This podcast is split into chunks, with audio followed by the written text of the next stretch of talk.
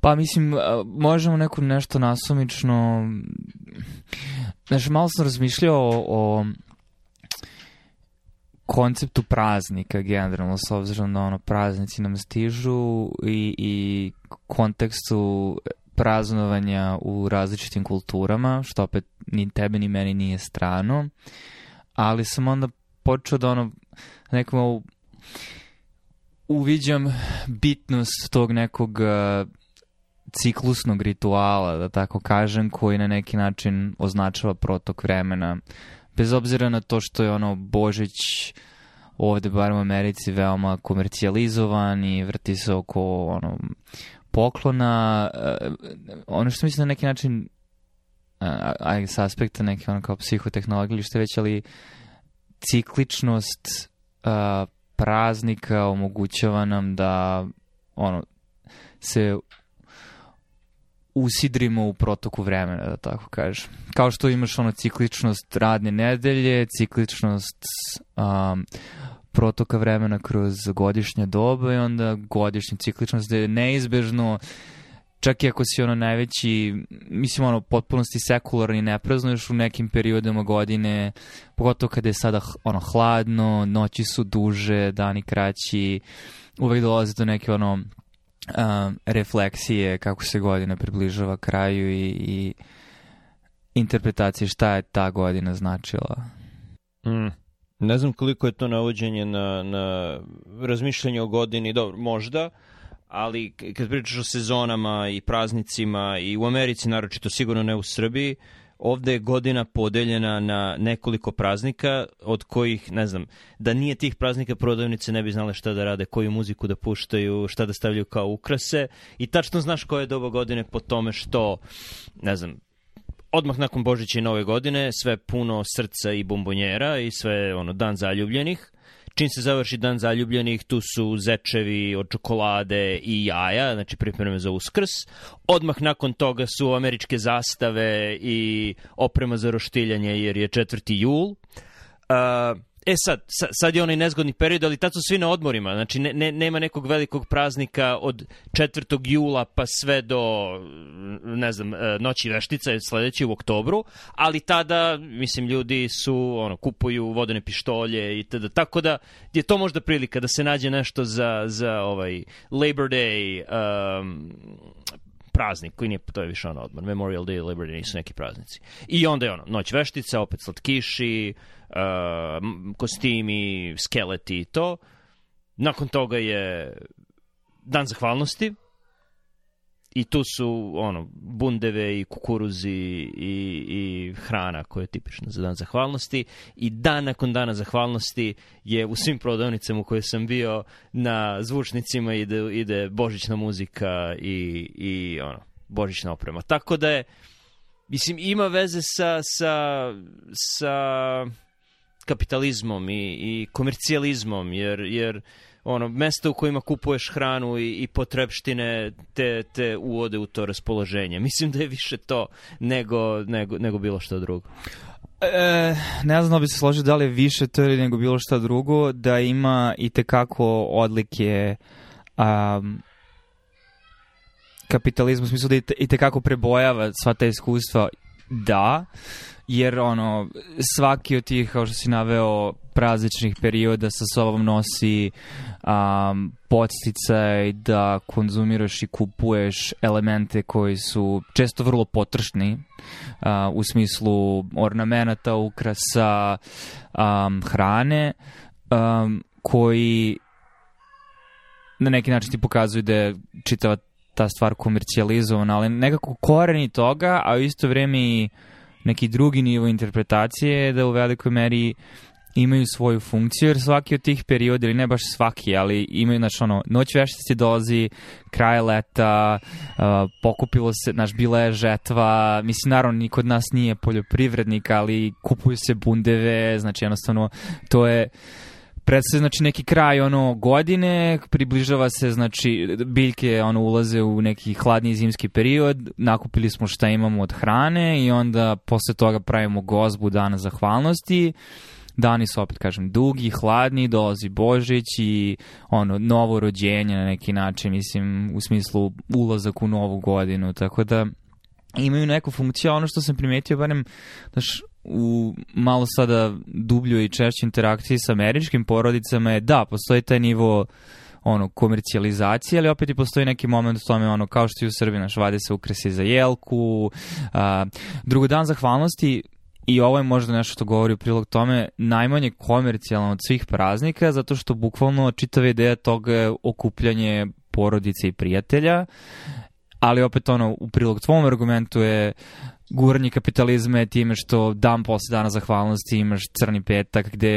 je čitava ideja čist konzumerizam, znači kupovine, jer, jer nisu mogli da provale kako dana zahvalnosti da naprave nešto što ćeš ti da kupuješ, jer nema ukrasa, nema nekog posebnog odevanja, vrlo onako po tom pitanju skroman praznik oko hrane i porodice. Tako da, osim industrije čurki, pretpostavljam. aj, aj, to je smešno, mislim, čurka od 10 kg za bukvalno 4 dolara, negde oko dana zahvalnosti. Čak i to, mislim, dobra strana kapitalizma, ne znam. Čak kažu nalepe etiketu bez antibiotika, nije organsko itd. Tako da,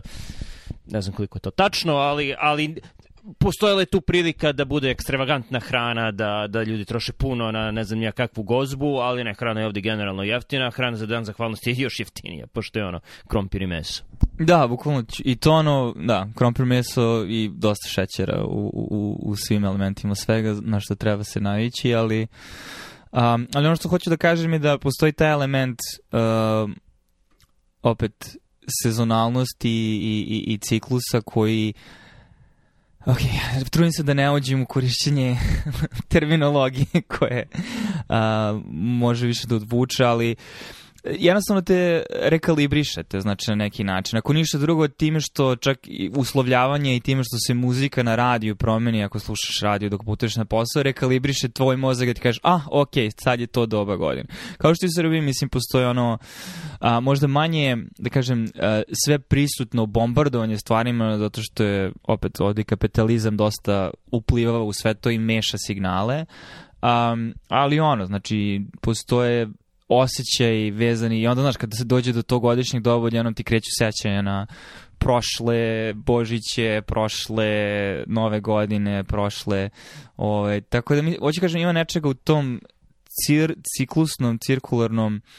a, pogledu na vreme koji nam dozvoljava da ono paralelno, znači linearnom protoku imamo moment za refleksiju, rekalibraciju i mi se menjamo kroz vreme i na neki način te ono, usidri tebe kao biće u svetu uh, i onda ti omogućava da dalje nastaviš. Znaš, formiri tvoj identitet. Raz, razumeš šta hoću da kažem? Mislim... Razumem i to što kažeš važi, ali važi samo za, ja bih rekao, dva praznika, to su Dan zahvalnosti i Božić. I za taj period koji, on, u kome smo sada da, između, da, da, da, da. između Dana zahvalnosti i Božić. Pa zato što je mirnije vreme, znači nema, i opet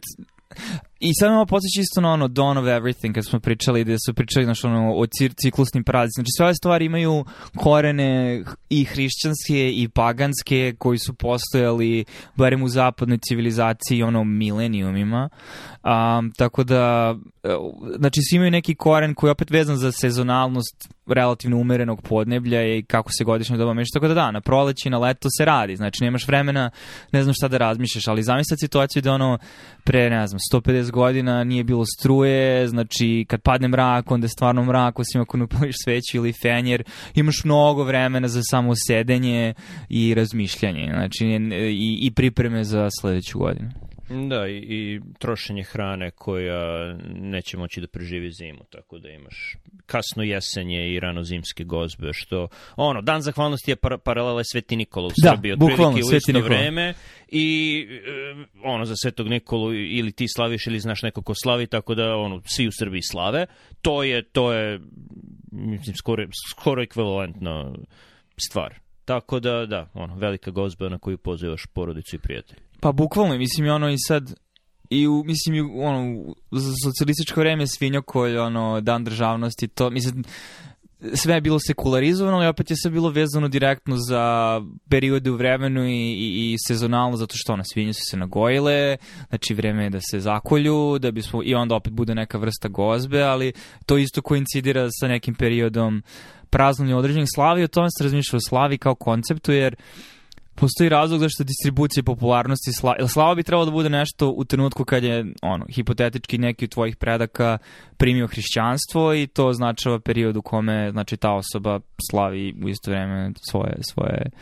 svoju veru da tako kažem, ali najpopularnije slave su vrlo onako sezonalnog karaktera, da je Sveti Nikola definitivno njih ima smisla zato što je to period u kome definitivno imaš, kao što si rekao,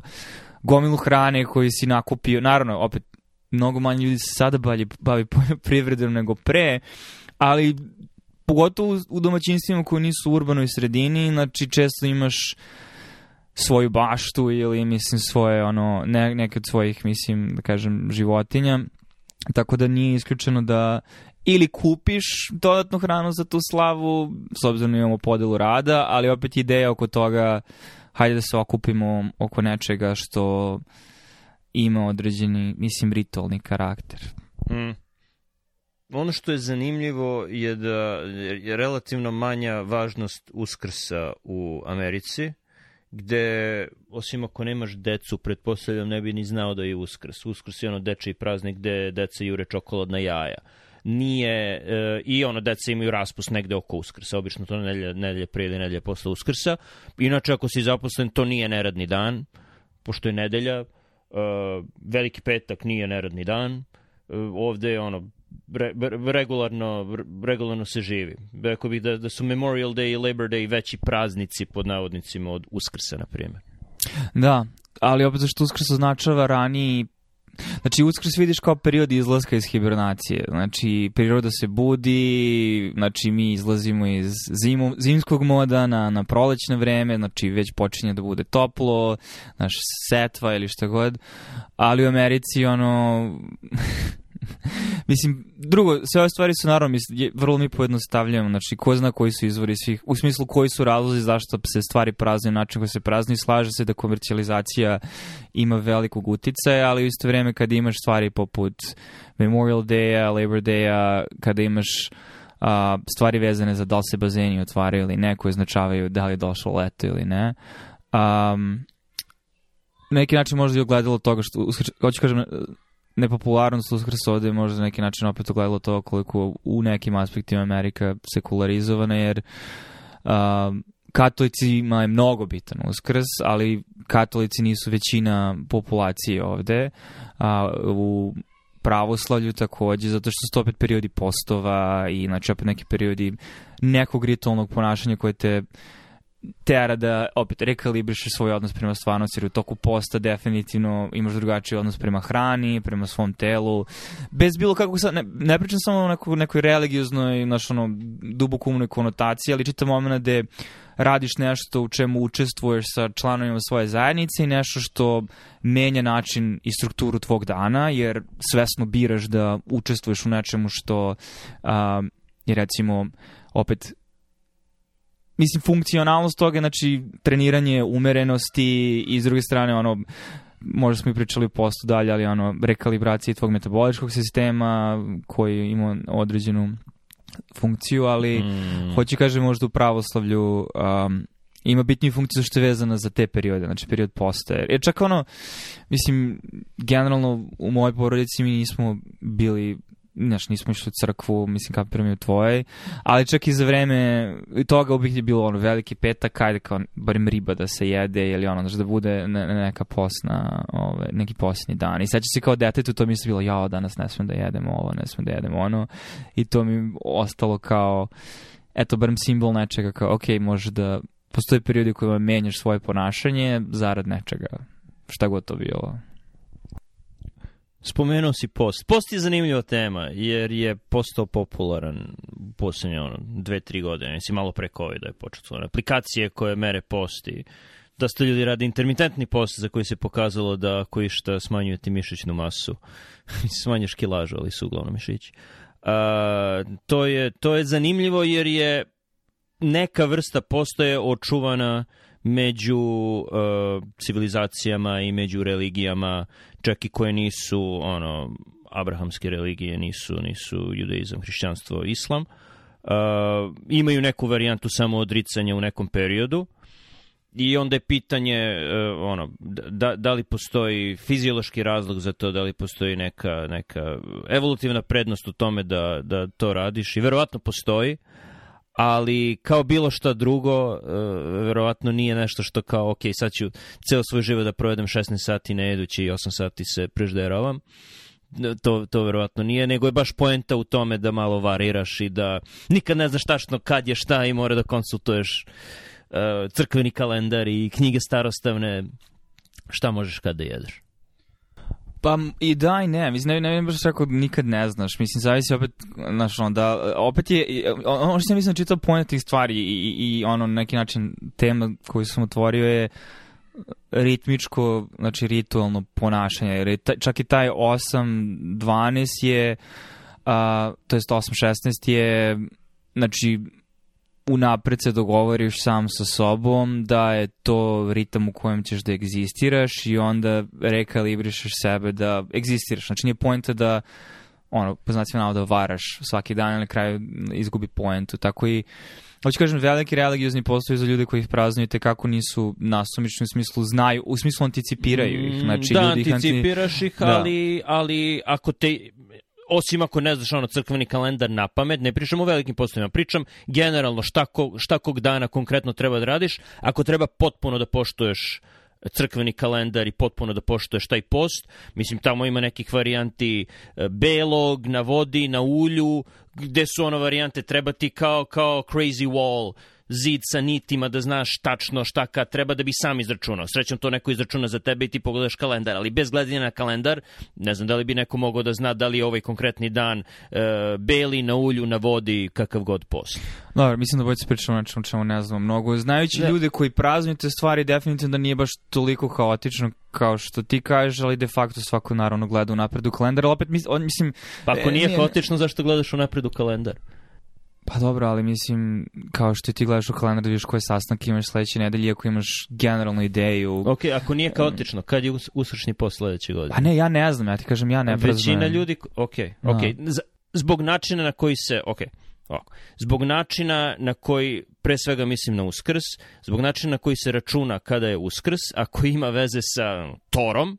sa, sa, sa tome kad pada pasha, što možda neki ono, profesionalni rabini znaju, ali sumnjam da je čak i ortodoksni jevreji mogu da ti kažu ono, kad pada pasha za, za dve godine i pošto na osnovu toga računaš datum hrišćanskog uskrsa i pošto od toga zavisi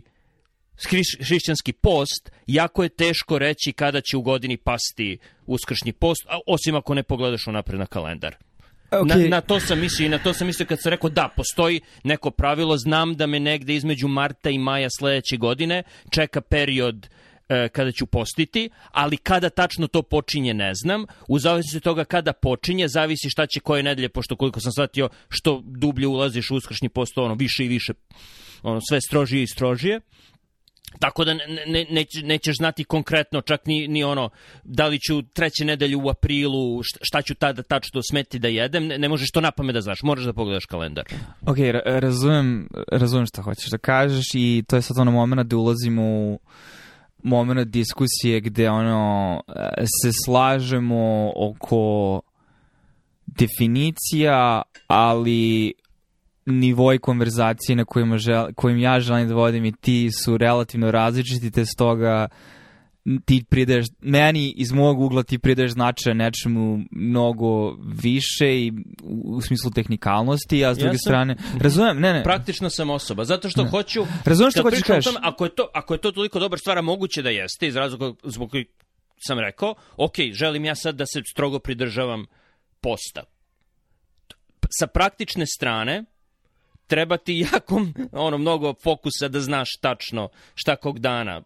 radiš. Ok, i to je ono, mislim, to je sad taj moment naravno za stvari koje su klizne, da tako kažem. Ali posto, mislim, kad sam ja razmišljao o tome, kad sam govorio ljudima koji generalno prazni, znaš, postoji crveno slovo. Znaš, hoću kažem, da, ljudi znaju šta su crvena slova. Znaš, znači, ni, ni, to nije isključeno, ali de, de facto da ti je neophodan crkveni kalendar, ali kapiram da jedino, ili uglavnom ljudi koji u populaciji ljudi kojima ne treba crkveni kalendar, velika većina su njih ljudi koji žive u manastirima, eto, da. eto da tako kažem. Da. Tako da sa tim se slažem, znači, ali samo je moment sad u smislu koliko je sad taj moment interakcije sa crkvenim kalendarom, mislim, uopšte bitan za našu diskusiju, jer mislim da je tu sad ono moment. O, mislim, da- mislim da je bitan moment. Mislim ne, da je bitan kažem... moment u religiji, jer ti u crkvenom kalendaru nemaš samo datume posta. Crkveni kalendar je razlog da ti otvoriš kalendar i da vidiš, ok, da li sutra postom ili ne konkretno, ali onda tu ima i malo poruka, malo ono velikih misli, malo molitvi, tako da je to dobar, dobar način na koji, na koji te uvuče u celu priču, tako da stalno razmišljaš o tome. Da, da, i to, mislim, to je pojenta koju sam teo da napravim, da, da u toj interakciji opet u, u u, ulaziš, ustupaš u, stupaš u a, neki oblik ritualnog ponašanja koji opet ima ulogu nekog usidrenja ili kalibracije tebe u odnosu na nešto. I, i to je sad generalno, mislim, tema i moment u kome sam teo da diskutujem jer je ovaj, znaš o čemu ja razmišljam, jer definitivno da sam imao periode u toku svog života, pogotovo ono tokom fakulteta, gde tvoja kalibracija odnosno na ostatak sveta je vrlo individualna i uh, na momente shvatim ne pogubna, ali definitivno nepraktična i neproduktivna za neki širi životni kontekst. Jer kad se orijentišeš recimo prema nekom ispitu i sve podrediš tome, to možeš da priuštiš u određenim delima svog života, um, ali kad treba da budeš integrisan u društvo, znaš, postoji razlog zašto imamo rad u nedelju. Postoji, e, ajde da kažem odakle dolazim, da ne bi došlo ono do da opet nekog nerazumevanja zašto uopšte ovo govorim, jer sam shvatio recimo da tokom covid Uh, i ovom smo pričali donekle um, rad od kuće uh, ono ne, odlazak na posao um, znači inicijalni momenti su bili, u super, ne moram da idem na posao, ne moram da gubim vreme u prevozu, mogu da počnem da radim kad hoću, mogu da završim kad radim to hoću, šta se dešava u određenim periodima je to prerastalo u to da uh, izgubi se struktura dana na neki način i nemam jasnu podelu gde da ono u 7 uveče i dalje sam, ok, možda bi još malo možda nešto trebao da završim jer sam i kasnije krenuo nego što sam mislio, što sam kuvao ručak ujutru, zato što sam teo da imam nešto gotovo umesto da sam krenuo da radim odmah, tako da sam sam bio izvor ono haosa u smislu gubitka neke strukture i onda vremenom kada doživiš to, onda shvatiš, ok, postoji razlog zašto radiš određene stvari u toku dana. Mislim, znam da zvuči jako glupo, ali e, zvuči glupo opet na propozicionalnom nivou. Znači, naravno da ima smisla da imaš strukturu u toku dana, ali tvoj mozak ili ti sam sebe možeš da zavaraš u mislu, ok, ja sam mogu promijen sat vremena, nasjeckat ću luk, malo ću popraći napraći učak i onda ne shvatiš da između tih ono 8.30 i 9.30 bi bilo mnogo korisnije da si započeo rad, nego da počneš ono posao u 9.30 ili čak i u 10, jer onda ćeš u 6 i dalje biti, a ok, nisam završio ono što sam teo. Tako da sam, hoću kažem, ja sam ono, preko svoje gravače neki način počeo sam sebe da rekalibrišem u smislu I dobro, sad naravno idem na posao, mislim u smislu mnogo više idemo na posao, tako da to samo po sebi olakšava čitavu tu funkciju, ali ta podela između rada i nerada, podela između perioda u kome naš, ono, radiš određenu vrstu stvari i onda perioda u kome radiš drugu vrstu stvari je bitna zato što van toga naši mozgovi on lako se izgubi, hoće kažem, gomila tih oblika ponašanja koji ključuju ritualno ponašanje poput posta dozvoljavaju da se mi, kažem, kognitivno usinkujemo sa ljudima oko nas da bi svi egzistirali kao smislenija, organizovanija naš uh, populacija, da tako kažem. To bih posmatrao iz malo drugog ugla, malo drugačijeg ugla. Ovo što ste ti rekao je dobro za, za rad od kuće. Ono što je bitno i to se zna i to se zna već jako dugo, je da, da su ti potrebni u glavi zbog refokusiranja da bi znao gde se, gde se nalaziš, liminalni prostori su jako bitni, granični prostori između dve celine. Tako da recimo jako je bitno za dobar dizajn kuće i to znam neki pattern language koja se bavi ono osnovama od, od ono gde šta da staviš u sobi pa sve to gde, gde u zemlji treba da se nalazi grad, tako da na, na različitim skalama govori. Bitno je da postoji nešto što odvaja stambeni prostor od ulice to nešto može da bude ono dugački put koji je oivičen drvoredima da, da, kojim dolaziš do svoje hacijende, a može da bude i uzdignuto stepenište kao što su oni brownstones u Brooklynu E, koje te na neki način odvaja od ostatka sveta i bitno je da ti prođeš kroz to da bi znao, ok, sada sam na nekom drugom mestu. I većina prostora gde se ne osjećaš baš dobro su prostori koji ne vode računa o tome, tako da nisi sasvim siguran, ok, da li je ovo javni prostor, da li je ovo privatna kancelarija, gde sam tačno. I to, to su oni trikovi i znanja iz arhitekture. Uh, Tako da i, i kod rada od kuće bitno je i to su mislim ljudi brzo shvatili da mnogo bolje prođeš, mnogo je bolje za tvoje mentalno zdravlje ako imaš ako ništa drugo nego neki radni sto sa paravanom gde znaš ok sada sam ovde, sada se bavim poslom, ne mogu da odgovaram na mailove iz kreveta, ne mogu da, da gledam ono da seckam luk dok sam na Zoom pozivu i ne mogu da, da e, gledam filmove iz te mini kancelarije. Tako da su to liminalni prostori. E, mislim da su prazni, praznici su na neki način liminalna vremena, liminalni periodi koji ti, kao što ti mentalno govori, ok, sad više nisi u ovom prostoru, sad si u ovom prostoru, praznici su isto to samo za tok vremena. Ne, tačno, upravo. I, e, i zato, baš, znači, mislim, tako mi je drago kada kada dođeš do nečega o čemu sam teo da pričamo, a, a, opet iz nekog drugog ugla, ali opet se odražava identično obrazci i neki od tih obrazaca su znaš, stvari koje su ti manje ili više jasne ili njihova važnost je manje ili više jasna a, kroz period, bare meni, ali to je sad recimo taj moment ono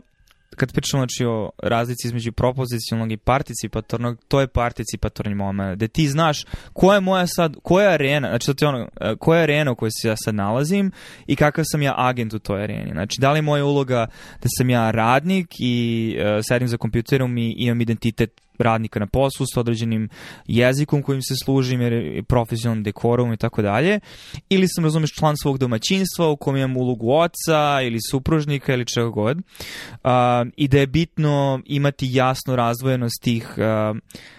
prelaznih stanja, jer kada dođe do konfuzije, onda se ti sam ne ponašaš skladno i to definitivno ima veze sa time kako naša kognicija funkcioniše. Mislim, znači, te sve, sve te stvari su naš način na koji dizajniramo prostore, gradove, vremenske rituale, znači u prostoru i vremenu, su samo odraz naše kognicije koji nam dozvoljava da imamo neki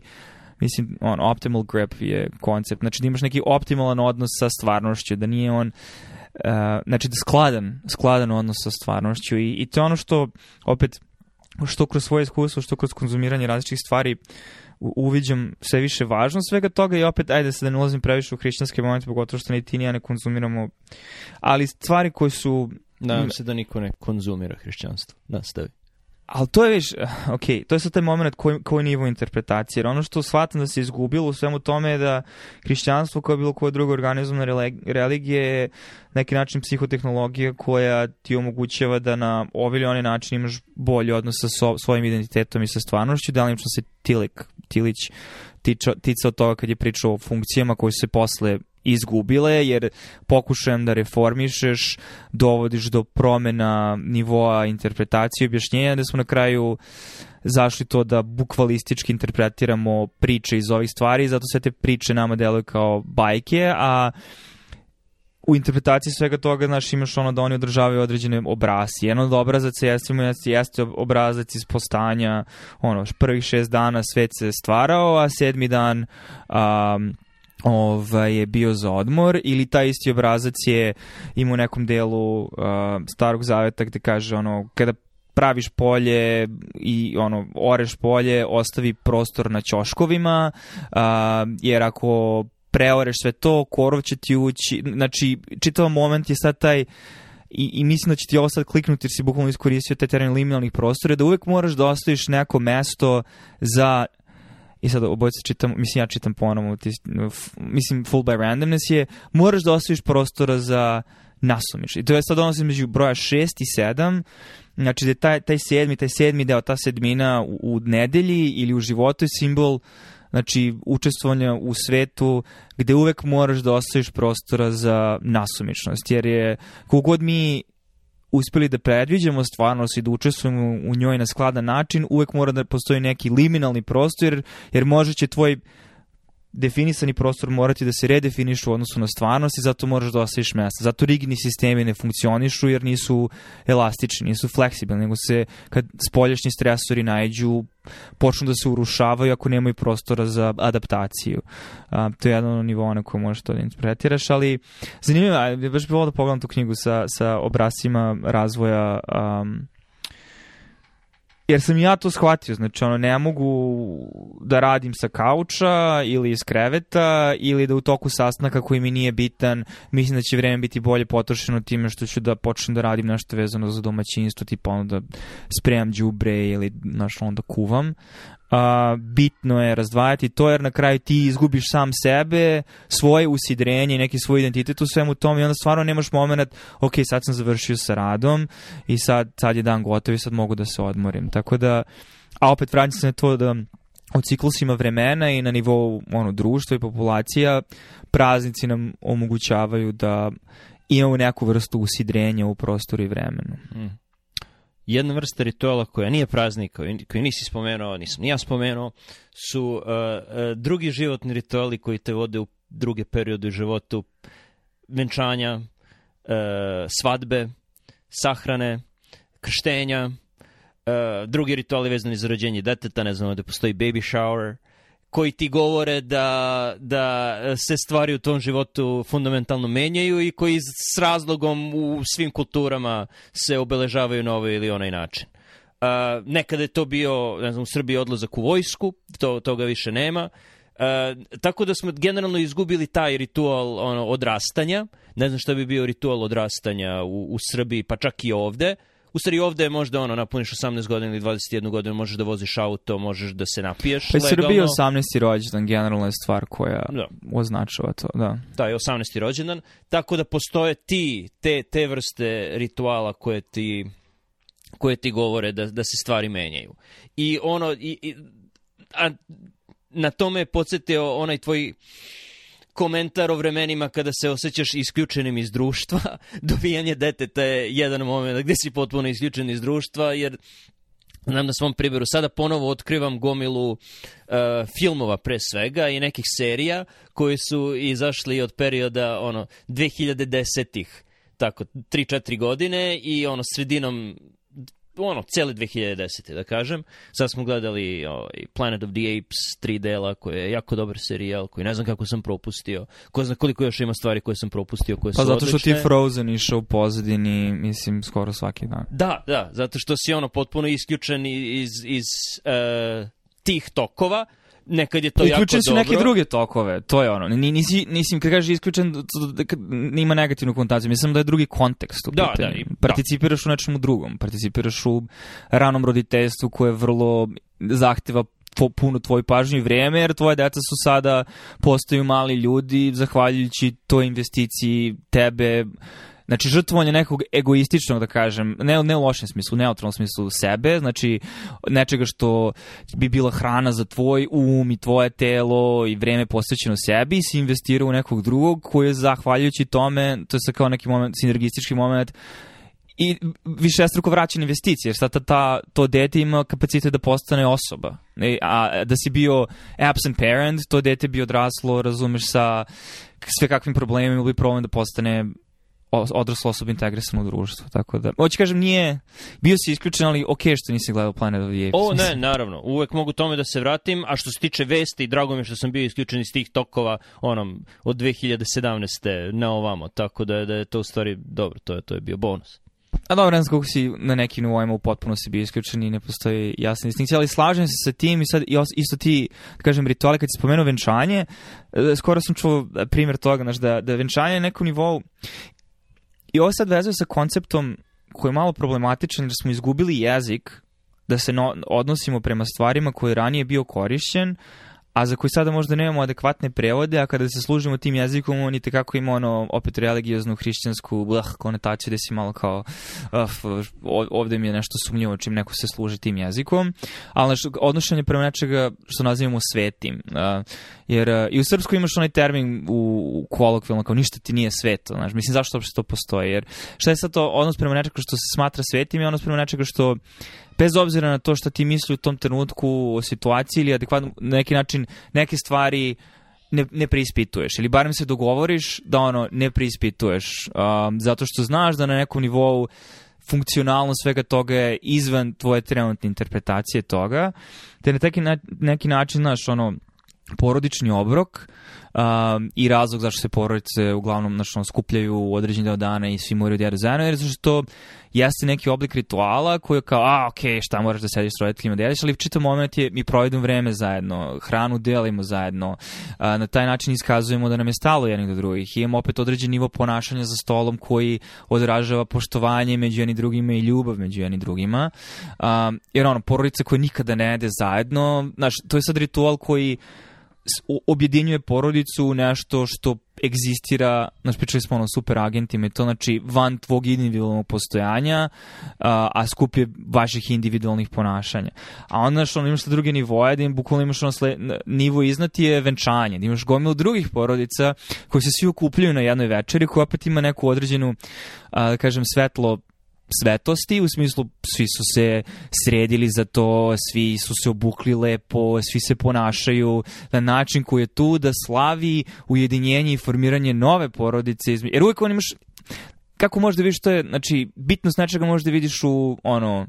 counterfactual, u smislu loše venčanja ako se desi da se neko prenapio i napravio scenu ili ne daj Bože da su se ljudi potukli, pogotovo ako su sa